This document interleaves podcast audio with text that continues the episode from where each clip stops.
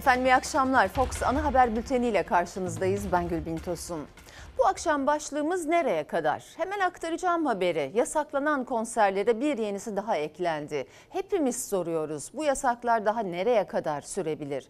TÜİK'e göre tarımsal üretimde girdi fiyatları son bir yılda %134 arttı. Çiftçi bu maliyeti nereye kadar kaldırabilir? Sizler de görüşlerinizi paylaşabilirsiniz. Hemen başlayalım bültene. Fethiye'de düzenlenecek Milyon Fest valilik tarafından yasaklandı. Valilikten gerekçe festivalin ekolojik dengeye vereceği zarar olarak açıklandı ama Müdafaa İslam Hareketi isimli oluşum ve İçişleri Bakanı Süleyman Soylu'nun yasaklara ilişkin açıklaması valilik açıklamasıyla uyuşmadı. CHP Grup Başkan Vekili Özgür Özel'dense bu yasaklamalar anayasal düzene müdahaledir çıkışı geldi.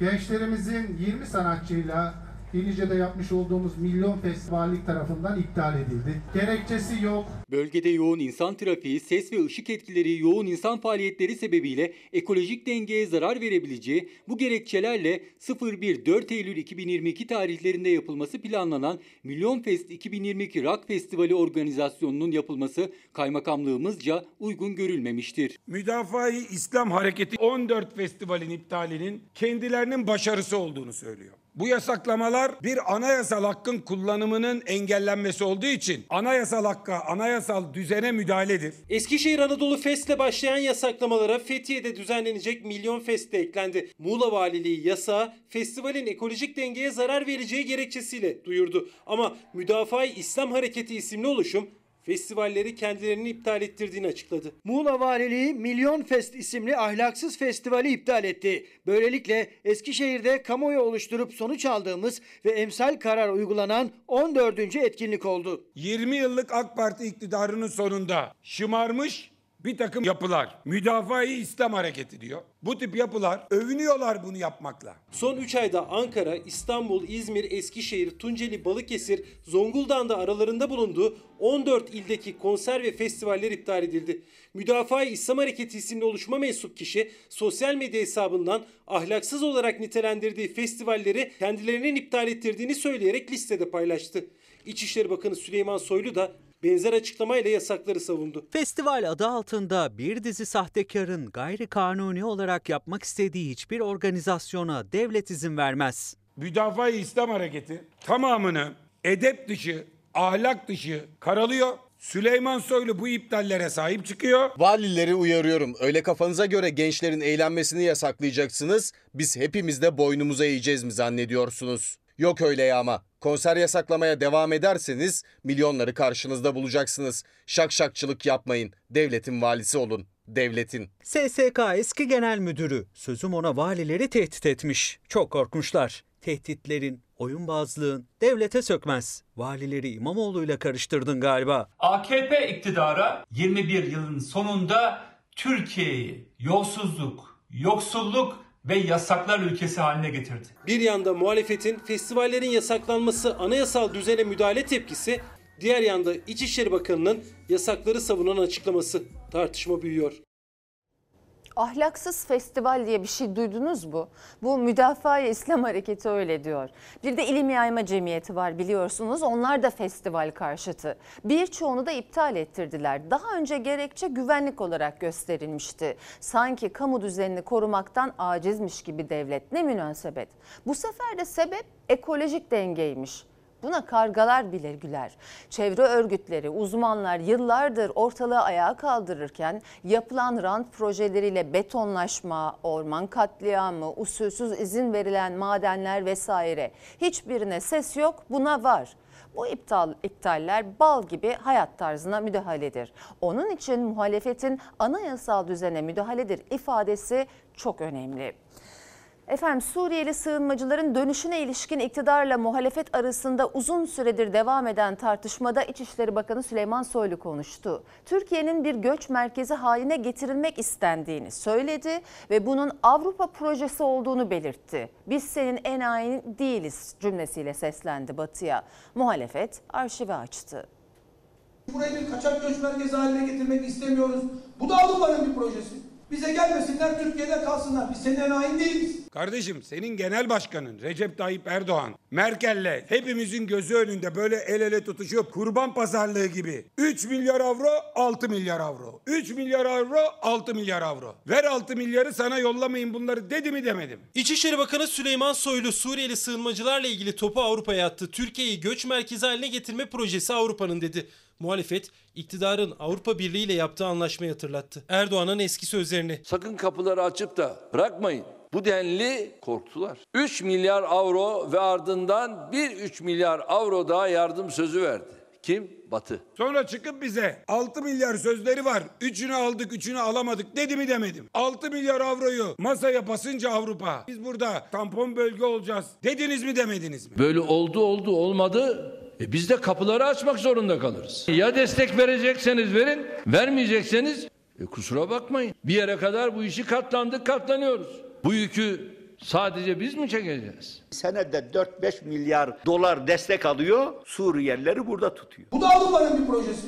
Bize gelmesinler Türkiye'de kalsınlar. Biz senin enayin değiliz. Bu Avrupa Birliği'nin projesidir. Merkel'in Tayyip Erdoğan'ı ikna ettiği projedir. 3-5 kuruş para için Türkiye'yi sığınmacı merkezi haline getiren Adalet ve Kalkınma Partisi'nin bizatihi kendisidir. Muhalefetin para karşılığı Türkiye sığınmacı merkezi olduğu sözlerine karşı İçişleri Bakanı Soylu yeni bir cümle kurmadı.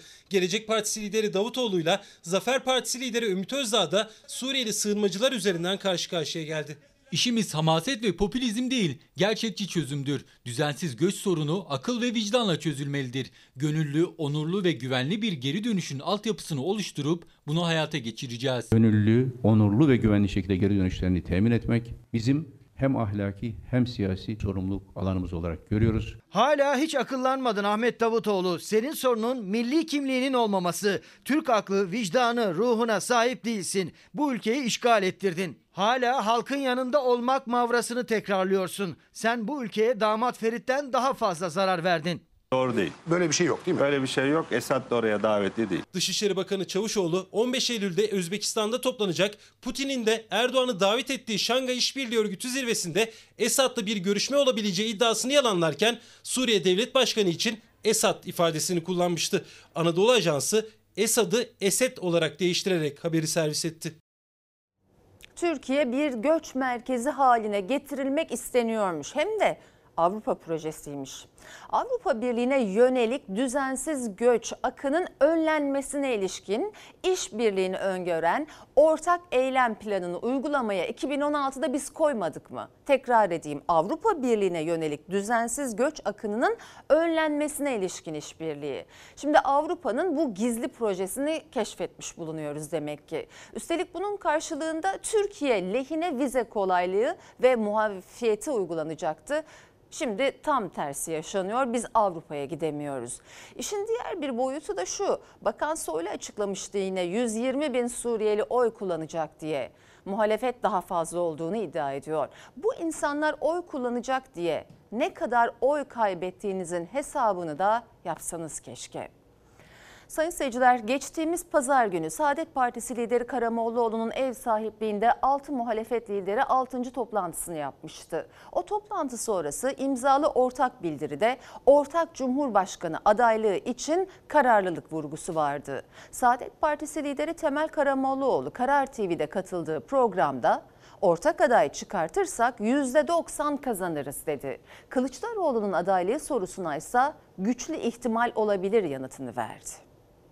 Kılıçdaroğlu'nun altılı masanın ittifakıyla aday olma ihtimaline ne dersiniz? Güçlü de bir ihtimali olabilir. Son altılı masa toplantısına ev sahipliği yapan Saadet lideri Karamollaoğlu, Kılıçdaroğlu'nun adaylığı için güçlü ihtimal olabilir ifadesini kullandı. Bu cümle CHP liderinin olası adaylığı için bugüne kadarki en net cümle olarak kayda geçti. Tek adayla çıkılması en isabetli tavırdır. Tek adayla çıkarsak seçimleri de %90-99 seçimi kazanırız. Karamollaoğlu 6 liderin imzalarıyla kesin karara bağladıkları ortak aday çıkarma tercihinin gerekçesini de iddialı bir cümleyle dile getirdi. Ortak adayla çıkarsak aday kim olursa olsun %90 kazanırız dedi. Ben ve teşkilatımız şu anda o makam için Meral Akşener'in en doğru kişi olduğuna inanıyorum. Adaylığım tartışmaya kapalı. Ben aday değilim olmayacağım. Birinci parti olursak başbakanım. İyi Parti lideri Akşener, İstanbul İl Başkanı Burak Kavuncu'nun gündeme getirdiği tartışmaya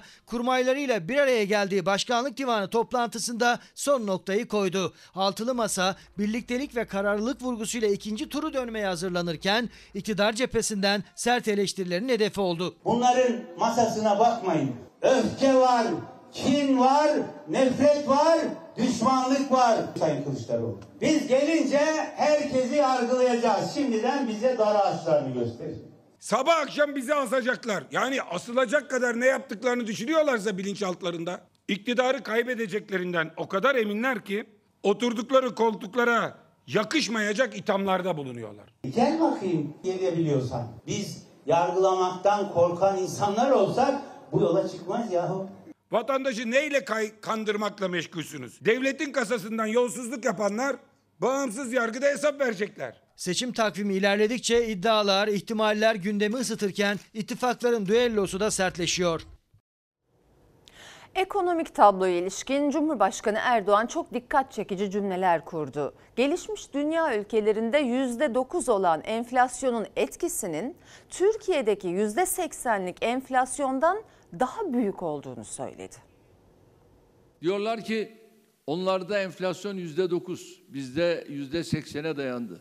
İyi de onlardaki yüzde dokuz enflasyonun ekonomik ve sosyal sonuçlarıyla bizdeki enflasyonun etkileri aynı değil ki. Bizdeki etkisi başka, oradaki etkisi başka dediğiniz zaman aslında çok büyük bir pot kırıyorsun. Diyorsunuz ki benim milletim %80 enflasyona alışkındır. Biz idare ederiz. Millete çok büyük bir haksızlık ve hakaret etmiştir. Cumhurbaşkanı Erdoğan enflasyon sadece Türkiye'nin sorunu değil derken Amerika başta olmak üzere Batı ülkelerindeki %9 enflasyonun etkisinin Türkiye'deki %80'lik enflasyondan büyük olduğunu söyledi. Türkiye'de fiyatlar Avrupa'ya göre 10 kat daha büyük bir hızla artıyor. Bunu bizdeki etkisi başkadır, yok şuradaki etkisi başkadır diyerek bir algı oyununa döndürmenin hiç kimseye bir faydası yok. İşçisinden memuruna, her kesimden vatandaşımızın gelir kaybını enflasyonun üzerindeki ücret artışlarıyla telafi ederek enflasyonun sosyal etkilerini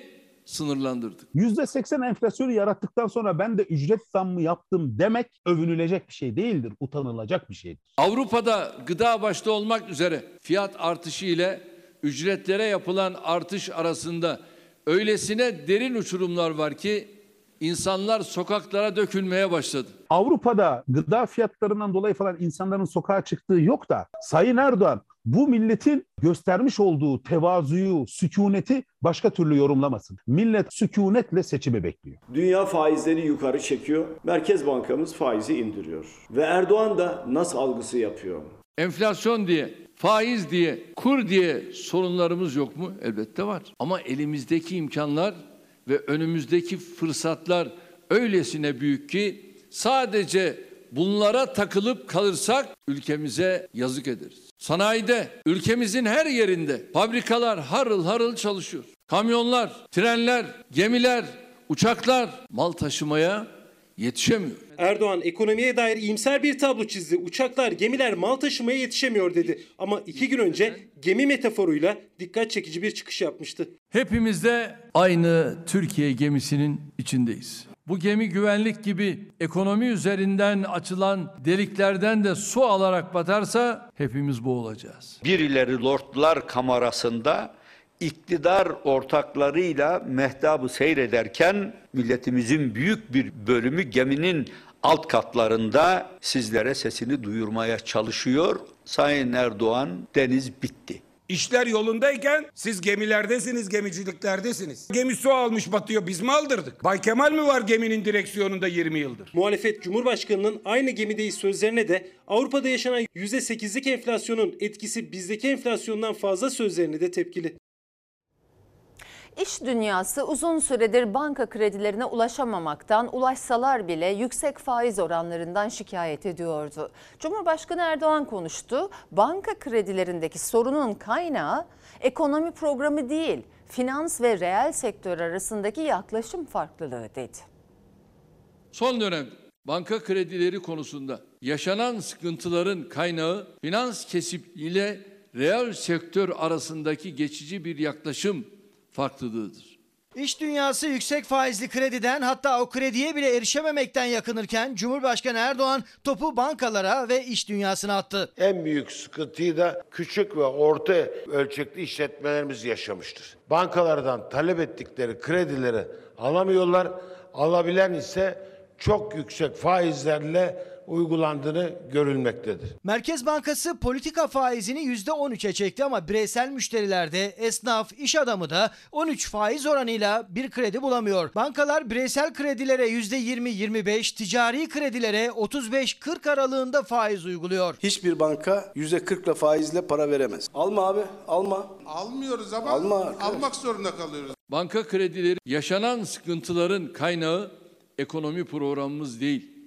Finans kesipliğiyle reel sektör arasındaki geçici bir yaklaşım farklılığıdır. Cumhurbaşkanı Erdoğan kredilere ulaşmakta yaşanan zorluk ve yüksek faizin sebebi yeni Türkiye ekonomi modeli değil, bankalar ve iş dünyası arasındaki görüş farklılığı dedi. Bu farklılığın en kısa sürede üretim ve istihdam odaklı büyümeyi destekleyecek şekilde kapsamlı bir uzlaşmaya dönüşeceğine inanıyorum. Karı %400 artmış o bankalar kazandıklarıyla yetinmeyip en garibanın borcunu tefeciye satıyor. CHP lideri Kılıçdaroğlu da yeni bir çıkış yaptı. Bankalara kredi borcunu ödeyemeyen vatandaşların borçları varlık şirketlerine satılıyor dedi. Varlık şirketlerine devredilen borçların ödenmemesi çağrısı yaptı. Sevgili halkım bu borçlarınız nedeniyle avukatlar tarafından aranacaksınız. Size, ailenize zarflar gönderecekler. Tehdit edecekler. Bunlar tefecidir, bunlar mafyadır. Sakın, sakın ödemeyin. Seçimden sonra onlarla ben konuşacağım ben. Ödemeyin.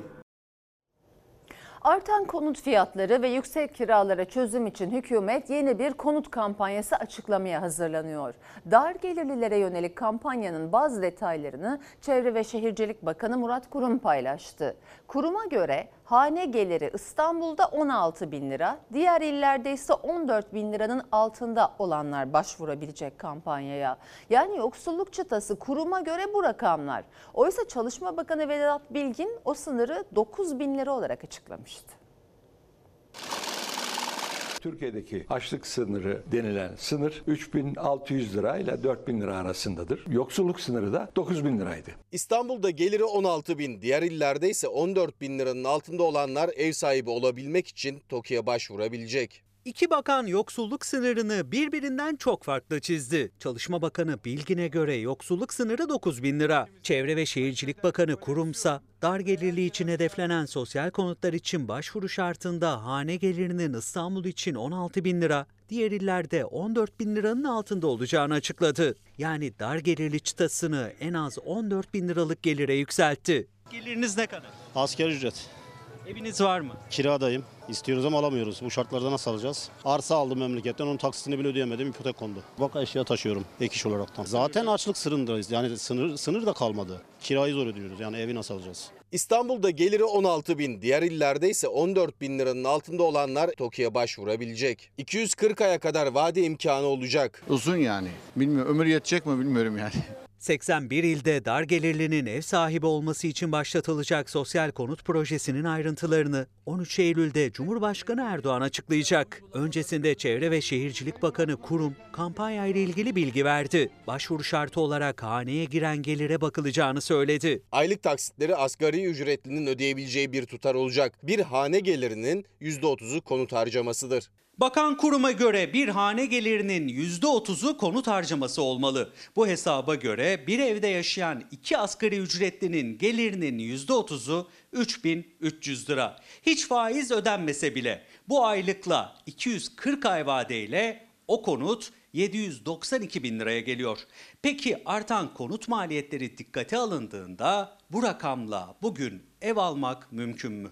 Asla mümkün değil çünkü çimentosundan işte inşaatın tüm maliyetlerine birçok kalemine kadar inanılmaz seviyede zamlar geldiği için bu rakamlar gerçekçi değil. Devlet de olsa bunun altından kalkmak çok güç görünüyor. Bunun üstüne faiz eklendiği zaman ya da ara ödemeler vesaire bu rakamlar çok daha katlanacaktır ne yazık ki. Yüksek kiralar dar gelirliği zorlarken Gözler kampanyanın açıklanacak diğer detaylarında. Ancak kısa vadede konut sorununu çözecek gibi görünmüyor uzmanlara göre. Bir de şehrin hangi noktalarına yapılacağı. İnsanlar işte hem taksit hem kira öderken bir de yol parası mı verecek? Şehrin işte 4-5 vasıta değiştirip işine mi gelecek? Bunlar da çok önemli. Ne zaman teslim olacak? Ara ödeme olacak mı? Belli bir çerçeveye oturmuyor hesaplara bakınca. Sizin aylık geliriniz ne kadar? 3500. Emekliyim 3500. Onun dışında alabilir misiniz? Ev mi? Ekmeği zor alıyoruz. Bir izleyicimiz nereye kadar iktidar söylediklerinin arkasında durmayacak? Soylu hem mülteciler için öyle söyleyip yani Avrupa Birliği'nin enayesi değiliz deyip hem de ucuz işçi için e, diye tutması tam bir tutarsızlık demiş. Bir izleyicimiz de algılar nereye kadar? Kooperatif marketlerde indirimde algı, festival yasaklarını algı, işsizlikte algı, enflasyonda algı. Söylenenler değil yaşananlar gerçek kimse oyalamasın bizi diyor.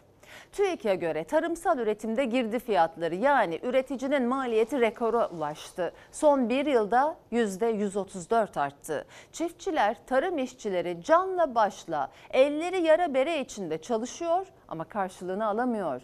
Bir tarım işçisi üretmekten çatlayan ellerini gösterdi ve bakın nasıl dert yandı. Oo yana boy. Paramız böyle oldu ustam. Ne kadar yemeği alıyorsunuz? 200 milyon yemeği alıyoruz ya. Allah seni inandırsın. Yeni yeni huttan oldu. Geceleri vallahi yatamıyordum. Yatamıyorum yani. Sızmasınlar.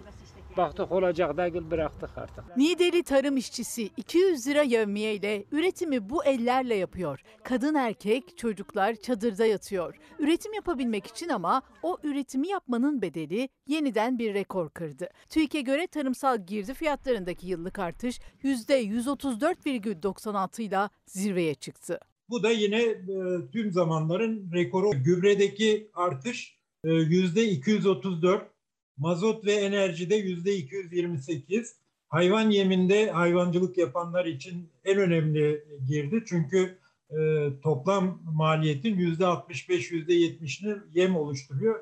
Yemdeki fiyat artışı da %145. TÜİK'e göre tarım üretimi yapmak için gerekli olan girdi maliyetleri yılda %134 arttı. Üretimin %70'ini oluşturan gübre ve mazottaki artış ise %200'ün üzerinde ve bu artış önümüzdeki günlerde sofralara yansıyacak tarım yazarı Ali Ekber Yıldırım'a göre. Bu önümüzdeki dönemde fiyatlara yansıyacak ve önümüzdeki kışın aslında ne kadar zor geçeceğini de gösteren göstergelerden birisi. Önümüzdeki dönemde işte ekmeğin fiyatı, önümüzdeki dönemde yem ham maddesi, yem bitkilerin fiyatı artacağı için onun fiyatı artacak, et ve süt artacak ama şimdiden bir oran söylemek açıkçası çok e, mümkün değil ama e, hani zor bir dönem olacağını şimdiden söyleyebiliriz. Sadece tarımsal ürünlerde değil, hayvan yemi olarak kullanılan bitkisel ürünleri üretmek de %200'ün üzerinde zamlandığı için hayvansal ürünlere de zam gelecek. Çiftçi pahalıya üretiyor ama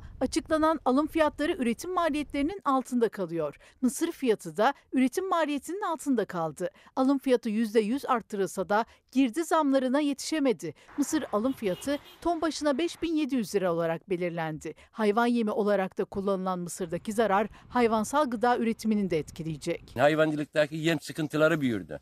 Önümüzdeki seneye varmadan sütün bir 5 kilosu ve halk arasında 100 lira olur. Vatandaş süt yemeyecek mi? Yağ yemeyecek mi? Peynir yemeyecek mi? %200'lük, %300'lük tarım girdileri, tarım artışları böyle devam ettiği sürece 5700 lira değil 10 bin lira olsa genel çiftçi vatandaşımız bu işin içinden çıkamaz. Genelde yüzde yüzlük bir artış öngörülüyor. Ama girdi maliyetlerine baktığımızda yani son bir yıllık maliyete baktığımızda girdi fiyatları yüzde 135 açıklanmış. Bu şu demek yani üretici maliyetinin altında bir fiyata razı olmak zorunda bırakılıyor.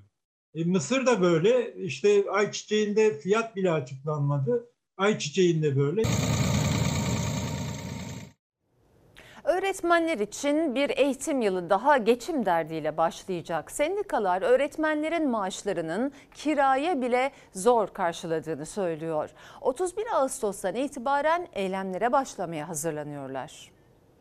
Öğretmenler hakkını söke söke alacak. 4 yıl önce maaşımın dörtte biriyle İstanbul'da ev kiramı ödeyebiliyordum. Şimdi maaşımın tamamı ev kirama yetmiyor diyorum. Ya bu kadar acı bir tablodan bahsediyoruz. Eğitim emekçilerinin maaşlarında inanılmaz bir düşüş var.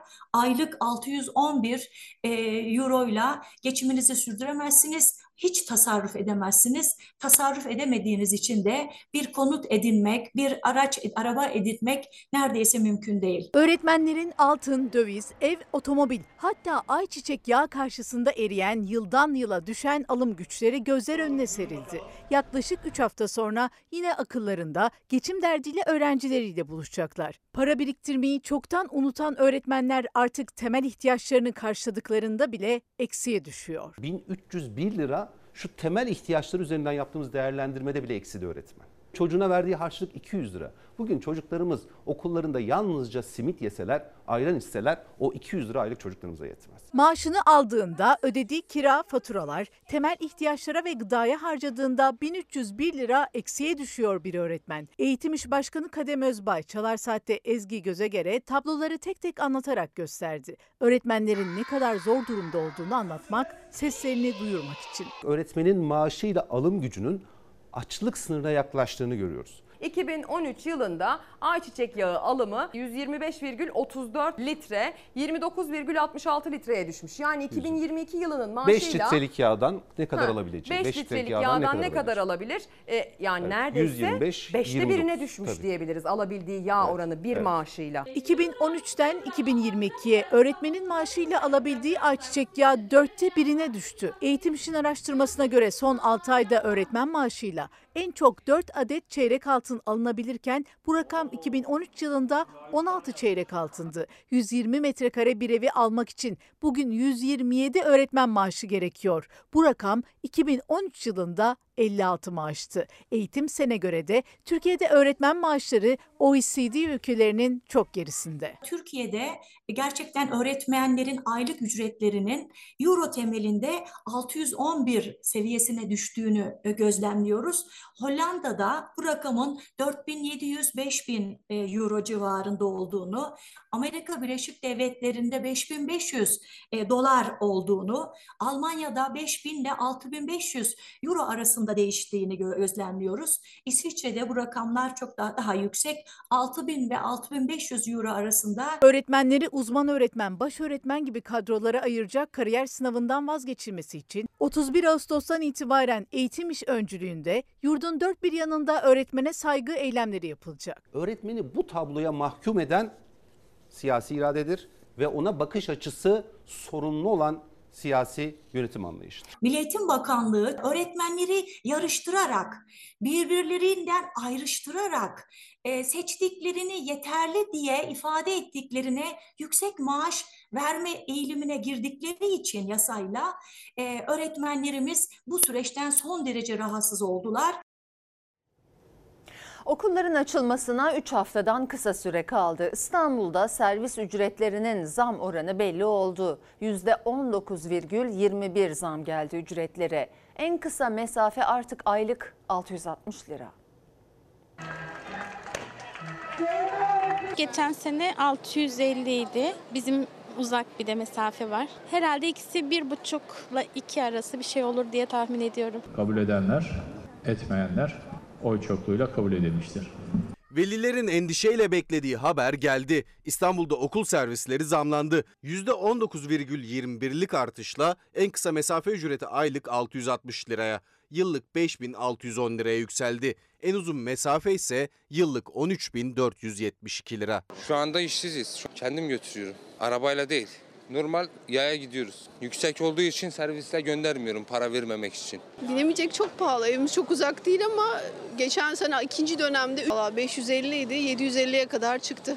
Gönderemeyeceğiz hem ablası da gidiyor. Mevcut tarifeyle çocuklarını servise verirken çok zorlanıyordu zaten veliler. Zamlı tarifeyle artık daha da zor. Üstelik zam oranı sınırlı tutuldu. Akaryakıt fiyatları en son zam aldığımız tarihten bugüne kadar %20 oranında arttı. Trafik sigortaları bizim %100 oranında arttı. Araç fiyatları bayağı arttı. Servisçi esnafımız da zor durumda. Biz %30 zam verilmesini e, uygun görüyoruz. Türkiye Şoförler Odası adına UKOME toplantısına katılan Eyüp Aksu %30 zam yapılmasını talep etti. UKOME'de karar %19,21 olarak alındı. Çok yakın bir mesafeye 1700 lira fiyat çektiler. Zeytinburnu'ndan Bakırköy'e gidecek. Onu karşılama şansımız yok. Okul malzemeleri olacak, giyimleri olacak, kırtasiye eksikleri öyle, gıda derseniz yani o kadar çok düşünecek şey var ki artık bıktık usandık. Öğrenci okutmak zaten masraflı. Bir de okula servisle öğrencilerini gönderen velilerin masrafı katlanıyor.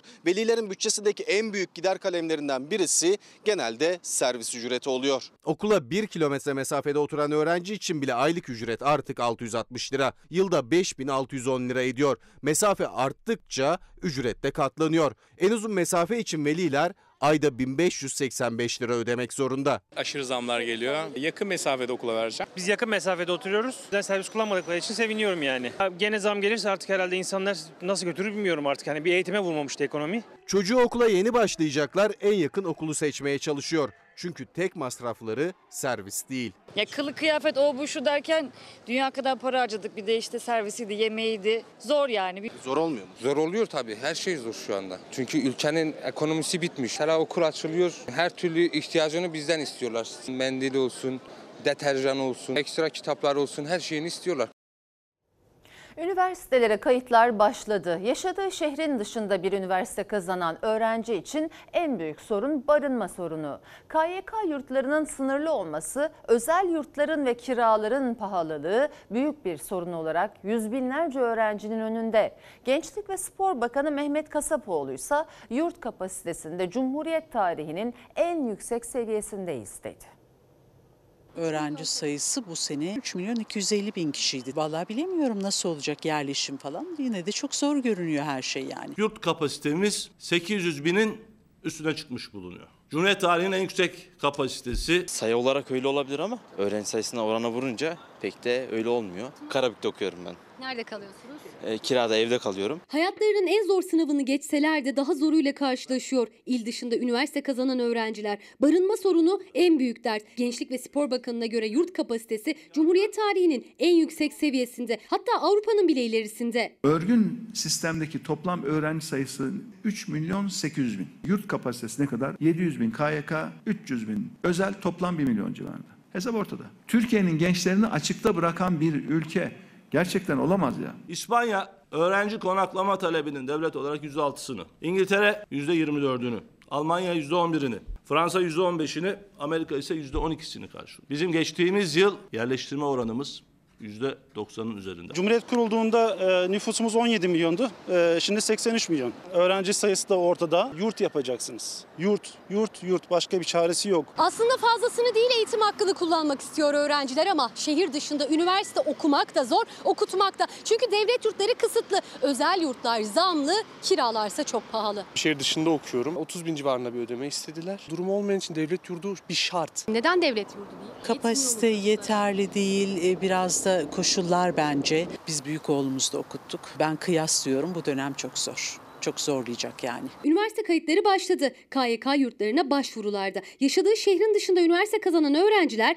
pazar gününe kadar KYK yurtlarına başvuru yapacaklar. Ancak kapasite sınırlı. Ben öğretmenim. 11 bin TL gibi bir e, gelirim var. E, bakın elimde 10'a yakın yurt broşürü var. 40 bin ila 110 bin TL arasında. En e, ucuzuna dahi versem aylık 4 bin lira gibi bir rakam yapıyor. Gideri 8 bin lira civarında. Daha fazla yurt açılması lazım. Arka sokakta bir tane ev var. 4,5 mu 5 bine demişti şuradaki ev için. 100 öğrenciden 19'una devlet yurt verebiliyor. 81'ine başının çaresine bak diyor. Yurdu arttırmamış. Neden? Cemaatlere gidersiniz beyler. Ne işiniz var devletin yurdunda? TÜRGEV'lerin, TÜKVA'ların, vakıfların, derneklerin yurtları var. Oraya gidin. Muhalefet de iktidarın yurt politikası öğrencileri tarikat ve vakıf yurtlarına yönlendirme amaçlı diyor. Vakıf yurtlarına giden her öğrenci için devlet destek verirken özel yurtlara, ev kiralarına neden destek verilmiyor diye soruyor. Yandaş vakıfların yurtlarına öğrenci başına 800 lira verdiğiniz desteklemeyi özel yurtta kalan öğrenci ya da kirada kalan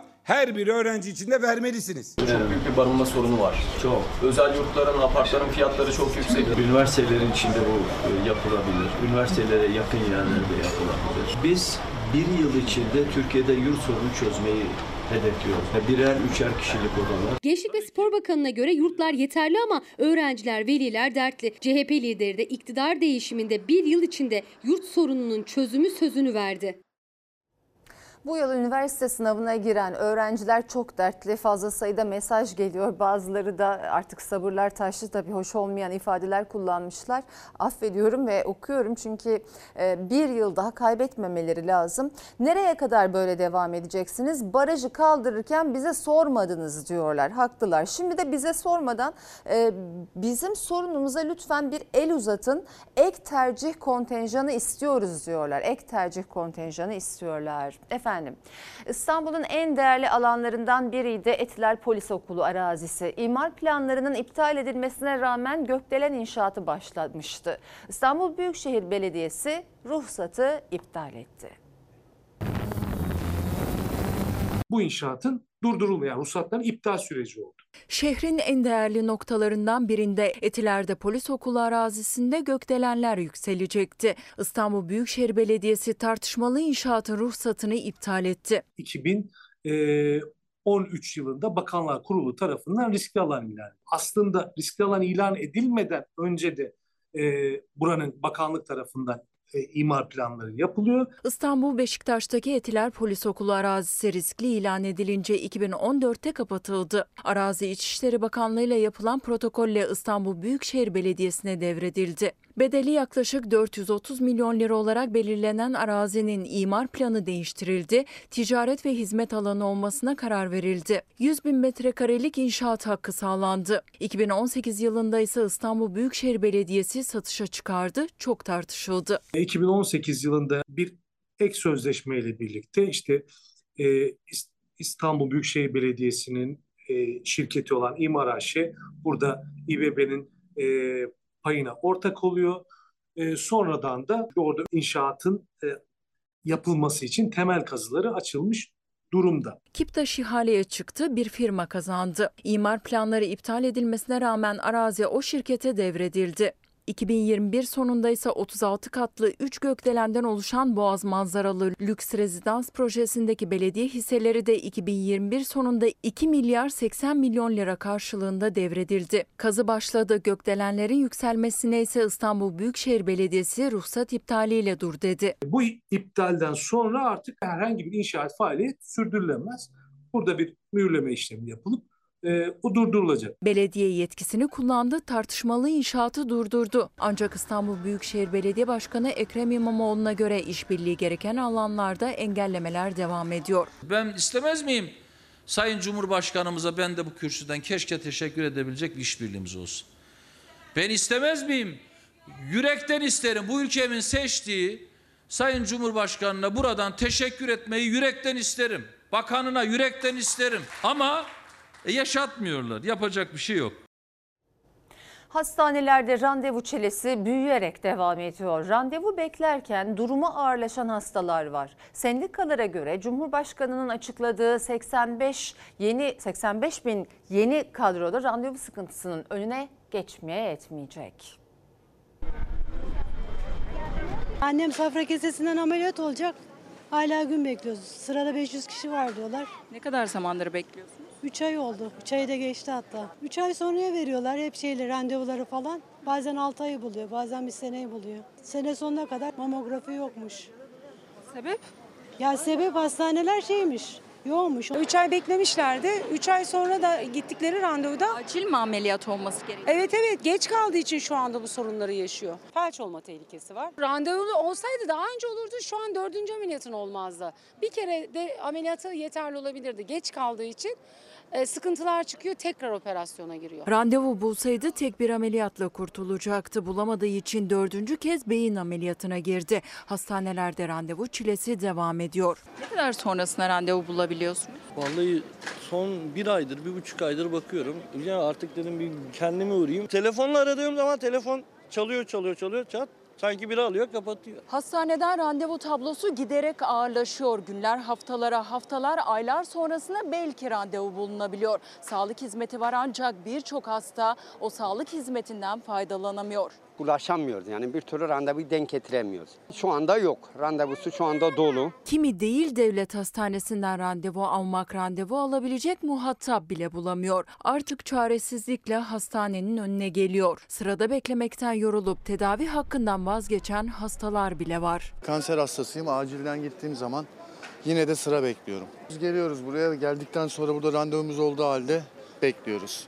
2 saat, 3 saat bekliyoruz. Sonra sıkılıp muayene olmadan, görüşmeden geri gidiyoruz. Randevu bulsak bu sefer doktoru bulamıyoruz. Sağlık kuruluşlarındaki uzman hekimlerimizin hastalara daha fazla vakit ayırabilmeleri ve daha kaliteli hizmet sunabilmeleri amacıyla 85 bin yardımcı personel kadrosu açtık. 85 bin personel e, yeterli bir sayı değil elbette ki.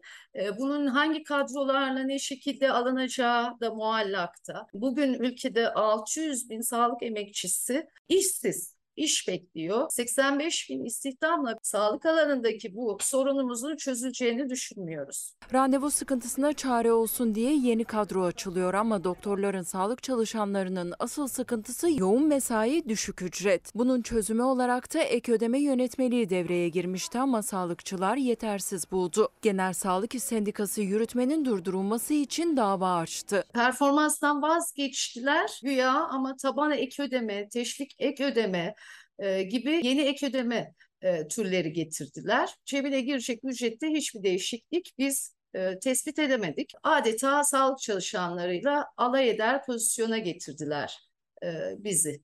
Aylık maaşlarının asgarisi yoksulluk sınırı taban alınarak belirlenmesini, tüm ödemelerin emeklilik hesaplanmasına dahil edilmesini istiyoruz. Brezilya'dan yola çıkan asbest yüklü gemi söküm işlemleri için İzmir Ali Ağa'ya doğru yolda. İzmir Büyükşehir Belediyesi, barolar, sendikalar itiraz için bir aradaydı. Söküm izninin iptali istemiyle dava açtılar.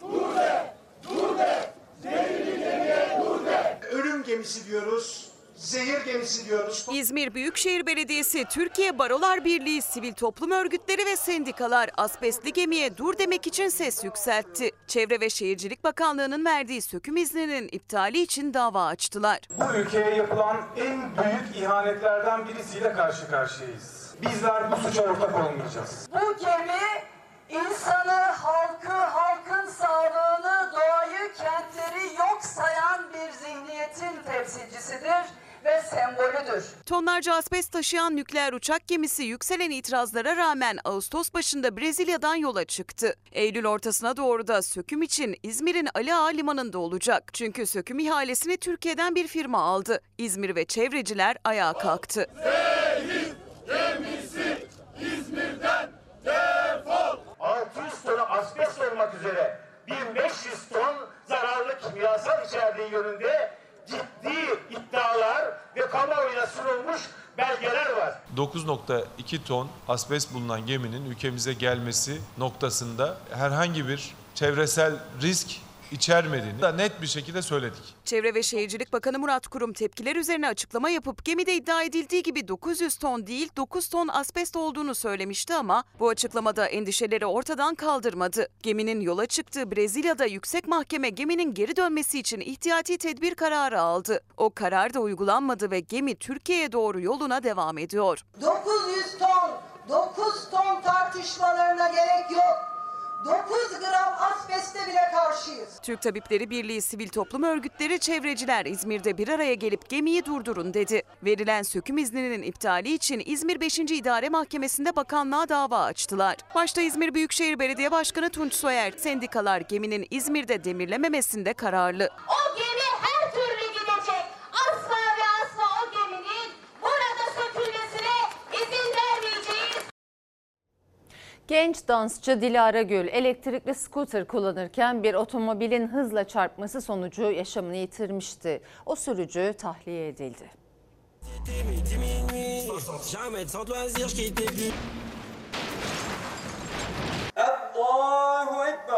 Skuter denilen aletlerle giderken aracın bir tanesi vuruyor. Bitti. Yani şimdi Dilara yok. Henüz 23 yaşındaydı. Kullandığı elektrikli skutura araba çarptı. Hayatını kaybetti. Kazanın üzerinden 2 ay geçmeden onu ölüme götüren sürücü tahliye edildi. Keyfine giden bir sürücünün şeyine kurban oldu yani. 12 Temmuz'da İstanbul Şişli'de tutkun olduğu dans provasından dönüyordu 24 yaşındaki Dilara Gül. Evine giderken elektrikli skutura bindi. Yolun karşısına geçmek isterken de Hakan Ağa kullandığı otomobille hızla 23 yaşındaki dansçıya çarptı. Dilara Gül hayatını kaybetti. Sürücü Hakan Ağa tutuklandı. 2 yıldan 6 yıla kadar hapis cezası isteniyordu sürücü için. Yurt dışına çıkış yasağı ve denetimli serbestlikle serbest bırakıldı. Mahkeme kazaya ilişkin kusur tespiti için dosyanın adli tıp kurumuna gönderilmesine karar verdi. Temmuz ayında emekli maaşları ile ilgili Şimdi bunları konuşmayacağım. Orada orada konuşuyorum. Bütün milletimizi, İstanbul Büyükşehir Belediye Başkanı o meseleyle ilgili açıklaması oldu. İyiliğin zamanı. Hadi bakalım. Gerçeğin peşine düştük, ısrarla sorduk. Bu ziyaretlerden CHP Genel Merkezi rahatsız mı? Mutlaka selamımı ilet der. Başkent Kızı'nın Ensar Vakfı'na aktardığı 7 milyon 925 bin dolar vergi kaçırıldığını iddia ediyorlar. Sıcak anların tanığı olduk. Yanında iki binada da ağır hasar vardı. Çatısından alevler yükselen hastaneyi şu anda söndürme çalışmaları devam ediyor. Haberi yerinden aktardık. Polis engel olmaya çalışıyor, sağlık çalışanları ise yola çıkmaya çalışıyor. Çorlu'da yakınlarını kaybeden aileler yürüyüşe geçtiler. Kameralar önünde konuşulmayanı anlattık. Başkent kulislerinin perdesini araladık. Güçlendirilmiş parlamenter sistem hedefiyle yürüyoruz dediler. AYM kararıyla da meclisin kararı yok hükmünde sayılmıyor. Çocuğuna bir diyor yapacak bir tarla satıyor.